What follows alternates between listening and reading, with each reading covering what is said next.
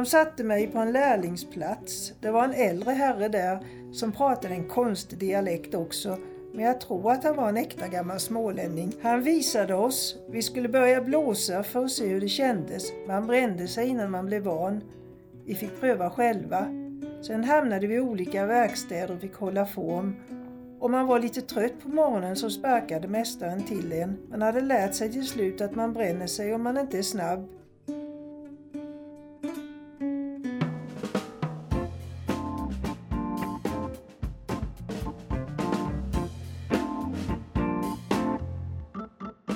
Ja, ja, men då kör vi. Hej och välkomna till Kulturparken Smålands podcast. Jag heter Petter Eriksson och är programansvarig här på museet. I dagens avsnitt kommer vi prata om det mångkulturella glasbruket och med mig har jag Gunnel Holmer som är glasantikvarie och glashistoriker här på Kulturparken. Det här är Kulturparkens sjätte poddradioavsnitt och vi har tidigare pratat bland annat om fett i beredskapstid, de tidiga glasbruken i Småland och ursprunget till begreppet mörka Småland. Och vi publicerar ett poddavsnitt i veckan om Kronobergs kulturhistoria och vi lägger ut podcastarna på onsdagskvällarna då vi normalt sett har föreläsningar här på museet. Välkommen hit Gunnel!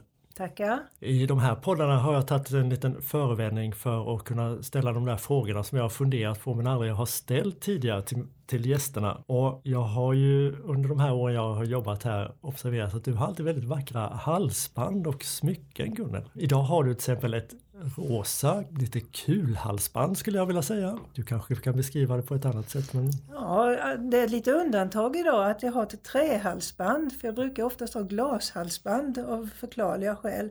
Men det här trähalsbandet vet jag att jag köpte i Finland när jag gjorde en resa dit och besökte en kollega på Finlands glasmuseum. Och det finns ju faktiskt en hel del spännande design i Finland som inte bara är glas och då lyste det här rosa halsbandet och då tänkte jag så här att när jag klär mig ganska blygsamma färger för övrigt så kan detta få lysa upp tillvaron. Men annars så blir det mest eh, glashalsband som jag botaniserar bland. Och vad, vad, hittar du dem på något speciellt ställe eller det är just när du är ute och reser? Det blir ofta när jag är ute och, och reser för att det har ju blivit en hel del konferenser och, och i glassammanhang och utställningar under årens lopp. Och då vill jag ha med ett minne hem. I sådana här museishoppar så, så kan man botanisera mycket och där, där finns just oftast en avdelning som vänder sig till kvinnor som vill ha trevliga glashalsband. Och där fastnar jag direkt. Ja, då får jag säga det till lyssnarna att det är just det så jag uppfattar det, att det är väldigt färgglatt och man blir lite gladare vid kaffebordet när du kommer in med dina fina halsband. Men du, det var ju inte det vi skulle prata om idag. Vi skulle prata om det mångkulturella glasbruket, om, framförallt då om Kosta. Hur har det kommit sig att du har börjat intressera för det här ämnet? Så det där går tillbaka till min barndom. Jag har vuxit upp i en liten stad som heter Nybro. Och eh, när jag gick på mellanstadiet eller slutet på lågstadiet så kändes det plötsligt som hela världen kom till Nybro. Det var vi inte riktigt vana vid, men plötsligt så började det pratas ganska många olika språk, både i klassrummet och när man gick ut på stan. Och det, det tyckte jag var fascinerande då när jag var 10-11 års åldern och jag fick eh, lekkamrater, kompisar som kom från andra länder och skulle lära sig lite svenska. Och Ja, jag fick komma hem och hälsa på de här familjerna och, och det var ju någonting som har följt mig sen eh, alltid överhuvudtaget nyfikenheten på människor och, och så vidare. Så att då visste jag ju inte då att jag skulle få en chans att fördjupa mig i detta sen. Men jag bar, bar den här nyfikenheten och intresset med mig hela tiden. Och du har ju eh, skrivit om Kosta och glasbruket där. Och vi skulle, tänkte vi att vi skulle prata framförallt om arbetskraftsinvandring under 1900-talet. Ska vi börja vid tidigt 1900-tal och säga något om hur det ser ut i Kosta? Kosta, om vi säger alldeles i början på 1900-talet, det, var redan då ett väldigt stort glasbruk med närmare 500 anställda. Och där fanns några inslag av arbetare med utländska namn. Det har ju, hade ju kommit tidigare invandrare hit också och det finns ju vissa släkter då, tyska namn som förekom och då, var kanske inte då direktinvandrare men det var ändå tyska släkter. En släkt var ju Heinze till exempel som vars eh, anfader kom på 1700-talet som duktig eh, glasblåsarmästare. Bengt Heinze, han var ju, hans far antagligen var väl då säkert eh, verksam fortfarande på bruket eh, och det fanns ju andra också. Men det var inte jättestor, alltså första halvan av 1900-talet var det inte mycket invandring till glasindustrin överhuvudtaget. Eh, bortsett från en del fackmän, men hela Sverige var ganska restriktivt vad det gällde invandring. Det, det följer ju de eh, regler och lagar som finns eh, vad det gäller invandring och invandringspolitik. Men det fanns alltså en del inslag även tidigt 1900-tal. Och när, när kommer det igång på lite mer allvar eller på, i, i, större, i större antal personer? Jag skulle säga att, att det är efterkrigstiden, alltså efter andra världskriget. Och det har att göra med konjunkturerna, i, inte bara på glasbruket eller inom glasindustrin utan i Sverige överhuvudtaget. Det, det blir ekonomiskt gynnsamt efter andra världskriget, efter vi har varit avskurna från omvärlden. Plötsligt så kommer eh, exporten igång igen så att man kan börja sälja och många krigsdrabbade länder generellt sett behöver mycket olika saker och det blir också en efterfrågan på glas samtidigt som de utländska glasbruken eh, inte har hunnit komma igång riktigt efter kriget. Det blir ett sug efter glas och då måste man också rekrytera eh, glasblåsare i tillräcklig mängd och glasarbetare. Så det är det ekonomiska uppsvinget efter andra världskriget som, som avgör det här behovet av arbetskraft. Hur ser det ut där? Är det arbetskraften som kommer till Kosta eller är det Kosta som aktivt söker efter arbetare i Europa? Om vi, om vi nu tittar på 40-talet då, redan de sista åren under kriget, men framförallt när kriget just har slutat, så är det mycket flyktingar som kommer hit från de krigsdrabbade länderna. Det sammanfaller väldigt väl med Kostas behov av arbetskraft. Bland annat så 1948 så kommer det då tyska glasarbetare, eller rättare sagt sudettyska glasarbetare från dåvarande eh, Tjeckoslovakien, den böhmiska delen, och de, de var fördrivna och de fanns i, i Österrike. Och det var flera olika länder som åkte dit och handplockade i princip duktig arbetskraft. Och även till Sverige, till de svenska glasbruken, som kom det ett antal väldigt välutbildade glasarbetare, framförallt på den kalla sidan, slipare till exempel. Man får väl säga att glasbruket Kosta höll sig framme i, det här, i de här möjligheterna att kunna få hit bra folk, duktigt folk efter, efter andra världskriget. Men sen kom det ju också flyktingar överhuvudtaget hit som skulle beredas arbete på olika ställen. Det både kom folk dit och de sökte folk aktivt. Ja. Mm. Är det några speciella grenar inom glasbruket eller områden där, där, där det behövs arbetskraft eller är det fördelade sig någorlunda jämnt över själva produktionen? Tittar man eh, efter kriget, det fanns ju då kunnig arbetskraft och det behövdes ännu mer kunnig utbildad arbetskraft. Men vad jag då upptäckte i den här undersökningen av Kosta var att det man nästan mest efterfrågade, framförallt lite längre fram på och framförallt 60-talet då, det var människor som kunde bära det, gla, det, det varma glaset från, från glasblåsaren till kylröret eller kylugnen, alltså förflytta produkterna, gå, man gick i hyttan med dem. Eller att hålla den formen som glasblåsaren blåser upp glaset i. Och för att, att göra det behövde man egentligen aldrig varit inne i, i en hytta tidigare. Man kunde komma ena dagen och börja jobba nästa dag och därmed hade man ju också en inkomst. Samtidigt som man kom in med de svenska kollegorna så kunde man också på så sätt börja träna svenska. Så att det fanns alltså ett väldigt uttalat behov av av någon som gjorde de här uppgifterna. Och det är ju så i en glashytta där det är ett lagarbete eh, att om det inte finns någon som håller formen eller någon som bär glaset till kylröret, då, kan du, då kvittar det hur mycket glas mästaren blåser för det kommer ju inte längre då. Utan alla är beroende av varandra i den här cirkulationen av människor. Så att det var viktigt. De som kom då, om vi hoppar fram där lite då till 60-talet som du sa, är det några som har lite glasblåsar bakgrund eller är de flesta liksom industriarbetare eller något annat? Alltså 60-talet är en intressant period då kom de flesta från eh, Grekland, de som kom till Kosta, även de andra svenska industrierna. Och, då pratar jag, jag tittar på Kosta så är det en jättepik 1960, från 64 och så blir det en topp 65, 66, 67 och sen går det, går det tillbaka igen. Och detta var människor som var småbrukare egentligen i sitt hemland som kanske tobaksodlare eh, som inte hade varit inne i någon glasindustri eller någon industri överhuvudtaget innan de kom hit. Och de fick eh, jobb, som sagt, ofta var det det i intervjuerna jag gjorde. Jag kom på fredagen och på måndagen så satt jag höll formen. Det var svårare än så var det inte. Jag har eh, ett jättebra citat här från en intervju som jag kan läsa upp ja. faktiskt. Det som var så intressant i den här undersökningen var att jag försökte naturligtvis titta på nationell nivå om invandringen och sen gick jag ner på lokal nivå och tittade på själva företaget men sen gick jag också ner på individnivå. Därför att jag, jag menade som så att om jag skriver om ett fenomen eller en händelse historiskt sett så gör jag orätt i att inte låta de som faktiskt var med berätta om det.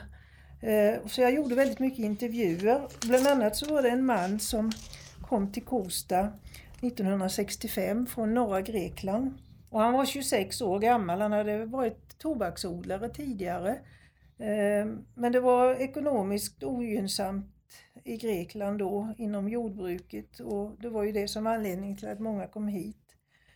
Och han var gift när han kom hit och han hade en liten dotter som var två år. 40 år efter han åkte från Kosta så åkte han och jag tillbaka dit igen. Han hade inte varit där på 40 år. Ehm, så vi gick igenom allting, hela produktionen och han berättade för mig. Så här var det, så här tänkte jag, så här gjorde vi. Och när vi stod utanför själva hyttan, utanför hyttkontoret, så berättade han så här. Han sa att här utanför hyttkontoret satt jag och väntade och chefen sa, jag vill ha en anställd, vi var fem. Och så pekade han på mig och så sa han, den vill jag ha. Vill du jobba här? Och det ville han ju. Jag sov först på industrihotellet och sen började jag jobba här två, tre dagar, jag vet inte riktigt. Här i hyttan jobbade jag, vi gjorde dricksglas, askkoppar och sånt där och sånt där och sen en massa blommor, specialkristallglas. Min uppgift var som inbärare och som kontrollant att se vilket glas som är bäst och vilket som man kastar. Jag tjänade 500 kronor i månaden. Varje femtonde fick jag 100 kronor i förskott och sen 400. På den tiden var 500 kronor mycket pengar. Man klarade sig och skickade lite pengar till Grekland till min fru som handlade lite grann och köpte biljetter till Sverige och allt. Hyran var mycket billig. Jag skrev till min fru att jag hittat jobb. Bra, allt var fint. I oktober månad kom hon till Sverige. Den lilla dottern var kvar i Grekland. Och sen personalchefen i Kosta, han var en fantastisk människa. Alla ville hjälpa till. Chefen i Kosta skaffade en tolk och en lärare. Nästa dag började hon jobba direkt. Hon jobbade på musikavdelningen tre, fyra månader, sen stängde den. Sen jobbade hon i hyttan. Snabbt reste vi till Grekland också och hämtade hit dottern. Och detta är ett exempel på en av alla de här rösterna, alla de här människorna som har strömmat igenom och försvinner liksom i, i historiens anonymitet om inte man plockar fram och lyssnar på de här rösterna. Han var väldigt representativ för de flesta av de här grekerna mm, som mm. fanns i, i Kosta. Har du kunnat undersöka ungefär hur stort antalet var om vi tittar på Kosta? Jag hade ju en man ska ha lite tur också, det hade jag ju i det här fallet. Eh, när jag skulle göra den här undersökningen så reste jag till Kosta och så pratade jag med person, personalavdelningen och så frågade jag om de hade någon, några uppgifter om, eh, ja, om personalen och invandringen till Kosta överhuvudtaget. Och de tittade, nej det fanns inte något direkt så. Men sen när jag kom nästa gång så kom det en man med en bok i handen så sa han, eh, jag hittade den här, kanske nytta av den? Ja, vad var det då, då? Jo, det var nämligen en bok där alla från utlandet var uppskrivna, alla som hade jobbat där mellan 1943 och 1973, precis med en undersökningsperiod. Allihopa. Och det var 627 namn. Och vad fick man då veta? Man fick veta vad de hette, när de var födda, var de var födda, när de kom till Sverige, vilket jobb de fick när de kom till Kosta och vilken adress de fick i Kosta. Så att jag fick ett fantastiskt underlag till en statistik. Då fick jag då se att det var 90 procent av de här drygt 600 hade aldrig någonsin jobbat med glas innan. Men 10 procent var glasarbetare. Det blev ju en upptäckt som stred egentligen helt emot den här allmänna uppfattningen att glasarbetare alltid var specialutbildade inom sitt område. Men så var det inte i det här fallet. Några få lärde sig glasarbetet men de flesta av de här 600, drygt 600, de eh, stannade väldigt kort tid, om vi säger kanske ett halvår eller så. Sen sökte de sig ut i samhället eh, man vill gärna jobba skift, då tjänar man mer. Om det var ett gift par då kunde mannen och kvinnan jobba på olika skift och då löste man barnpassning på det sättet. Det var inte möjligt i Kosta. Lönen eh, inom glasindustrin låg förhållandevis lågt generellt sett. Och då ska vi vara klara över att på 60-talet av arbetskraftsinvandrarna var det de flesta tror jag som hade en tanke att vara här en begränsad tid.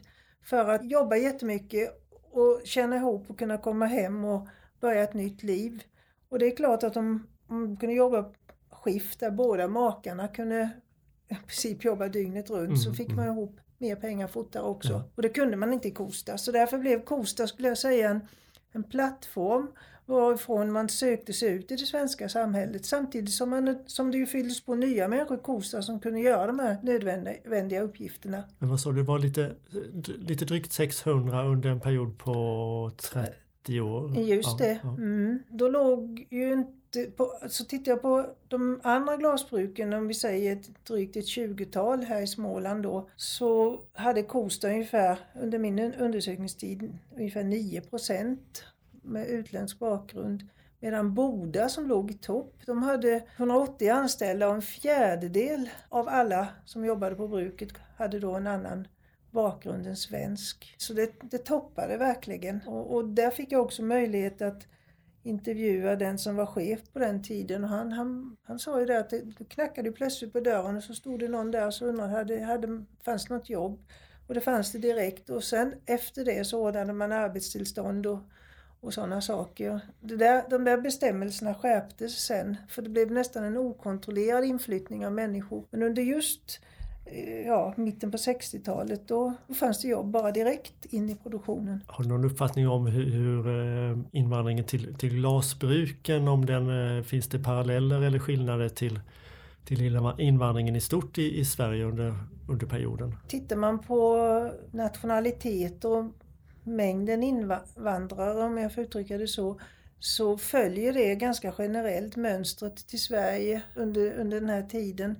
Och om jag då tittar på där jag växte upp i Nybro då, då det fanns ju industrier, det fanns eh, Kärs som tillverkade golv till exempel, det fanns andra industrier, det fanns också något glasbruk.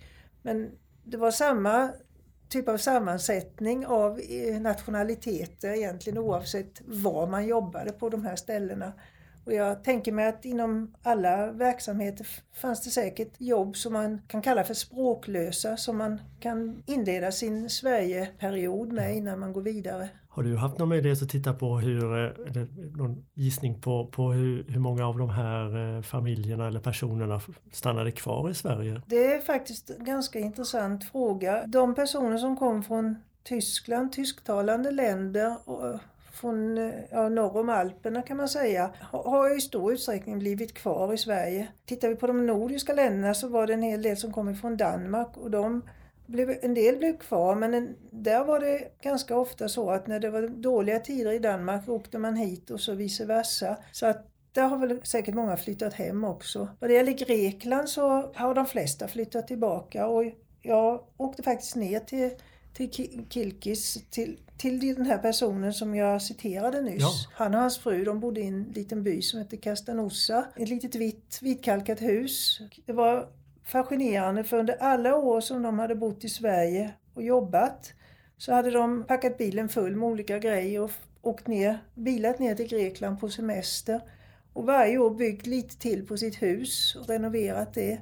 Så att när de sen blev pensionärer så småningom så flytt, kunde de flytta tillbaka dit ner och bosätta sig permanent. Och det, var jätteintressant för att eh, huset var då möblerat med IKEA-möbler från 60-talet, en del av det, därför att de köpte det som var nytt och modernt innan de Just åkte det. ner den gången ja. och sen hade det byggts på efterhand. Det var jättefint. Hur var det rent socialt att komma från ett annat land och börja jobba i Kosta eller på ett glasbruk? Fanns det någon form av diskriminering eller hur såg man på den typen av, av frågor med dagens ljus? Jag kom tidigt in på den frågan och jag bestämde mig för att titta då på diskriminering i arbetsuppgifterna och inte hur det var på fritiden ute i samhället eller sådana saker. Även om jag inte har hört att det varit mycket problem eller så alls. Men jag bestämde mig för arbetslivet. Och då kunde jag konstatera att de som kom på 60-talet som inte hade jobbat med glas var det väldigt få som blev glasarbetare. Då tänker jag så här att om man börjar med att hålla formen som är det enklaste jobbet. Det var samma jobb som en 14-åring fick som första arbetsuppgift. En som var från samhället och sen skulle avancera säkert och bli glasblåsare.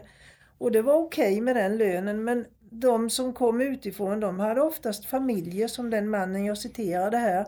Familjeförsörjare. Det var väldigt låg lön och svårt att försörja en familj på det. Och, och tanken att vara kvar då kanske 5, 6, 7, 8 år för att bli glasarbetare, det, hade, det, det fanns inte. Man hade oftast tanken att man skulle åka tillbaka också. Dessutom så var ju glasindustrin generellt ganska lågavlönad. Så att man kan nog säga att om man tittar på andra människor från andra länder som med enkla arbetsuppgifter så fick de börja från scratch precis som varenda svensk fick. Men skillnaden var bara att de var ju vuxna när de kom hit. Så det kunde se, se ut som att de fick väldigt simpla arbetsuppgifter. Men det har alltså en förklaring. Och det, säkert var det så att det gjorde att man åkte iväg efter ett, ett halvår igen och åkte vidare. Men det finns undantag. Alltså det, det, finns, det var en man som kom ifrån eh, Finland och han hade lärt sig svenska. Och han fick börja från ingenstans och han höll ut. Jag har i och för sig ett citat här men det kanske blir för mycket. Nej, ta det. Ta det, då, då måste vi hitta honom här. Det här är en, en man som kom på 60-talet till Kosta. Han kom från Österbotten i Finland. Och, eh, han var 21 år gammal när han kom hit och han hade arbetat lite tidigare i Sverige så han kunde tillräckligt med svenska men det var ändå rätt så exotiskt att hamna i Kosta hytta. Så här minns han hur det var allra först. De satte mig på en lärlingsplats. Det var en äldre herre där som pratade en konstig dialekt också. Men jag tror att han var en äkta gammal smålänning. Han visade oss. Vi skulle börja blåsa för att se hur det kändes. Man brände sig innan man blev van. Vi fick pröva själva. Sen hamnade vi i olika verkstäder och fick hålla form. Om man var lite trött på morgonen så sparkade mästaren till en. Man hade lärt sig till slut att man bränner sig om man inte är snabb. När jag varit inbärare och allt möjligt blev jag färgvärmare. Man åt snabbt som attan 15 minuter, sen började man träna och blåste allt möjligt. Alla yngre kom dit och tränade på alla matrasterna. De hade ingen tid att äta. Jag fick sen en bestämd plats i Ritzmans verkstad och hos Bengt Heinze då i de där två verkstäderna för jag fick den äran att ansvara för färgerna, vilken färg det skulle vara till konstnären och så. Berättar den här mannen som blev kvar i Kosta i många år och blev glasblåsare som höll ut alltså. Ja. Så att det fanns undantag, det gjorde det. Finns det några paralleller att dra till, till nutid eller lärdomar eller något annat som du har reflekterat över? Ja, det som alla lyfte fram som jag har pratat med och som var väldigt tydligt, det var känslan av att vara behövd från första dagen man kom dit. Det fanns ett jobb, man anvisades ett jobb om aldrig så enkelt. Men man kom in i, i, i det här systemet från början och fick sin lön och fick också möjlighet att eh, knyta kontakter med svenskar på plats. Och de erfarenheterna tog man såklart vidare med sig ut sen när man flyttade från Kosta. Det var en väldigt bra början, men just känslan av att att vara behövd, att ha ett arbete så man kunde säga att ja, jag jobbar med det och jag jobbar med det. Och det var väldigt, en väldigt positiv upplevelse tror jag för de flesta. Och med det så sätter vi punkt för dagens poddavsnitt som har handlat om glasbruken och den mångkulturella smältdegen som fanns i Kosta. Och vill man läsa mer om det här Gunnar, då kan man läsa din bok och studie där som heter Kosta glasbruk, en etnisk smältdegel, arbete och arbetskraftsinvandring 1943 till 1973. Vi har den här i museishoppen hoppas jag. Det har vi, ja. den finns tillgänglig. Tack så mycket för idag och tack Gunnel. Tack själv.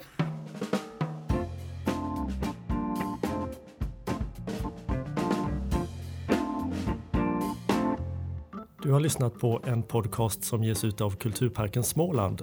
Idag har vi pratat om det mångkulturella glasriket. Dagens gäst Gunnel Holmer, teknik och redigering Kim Lindstedt, producent Petter Eriksson.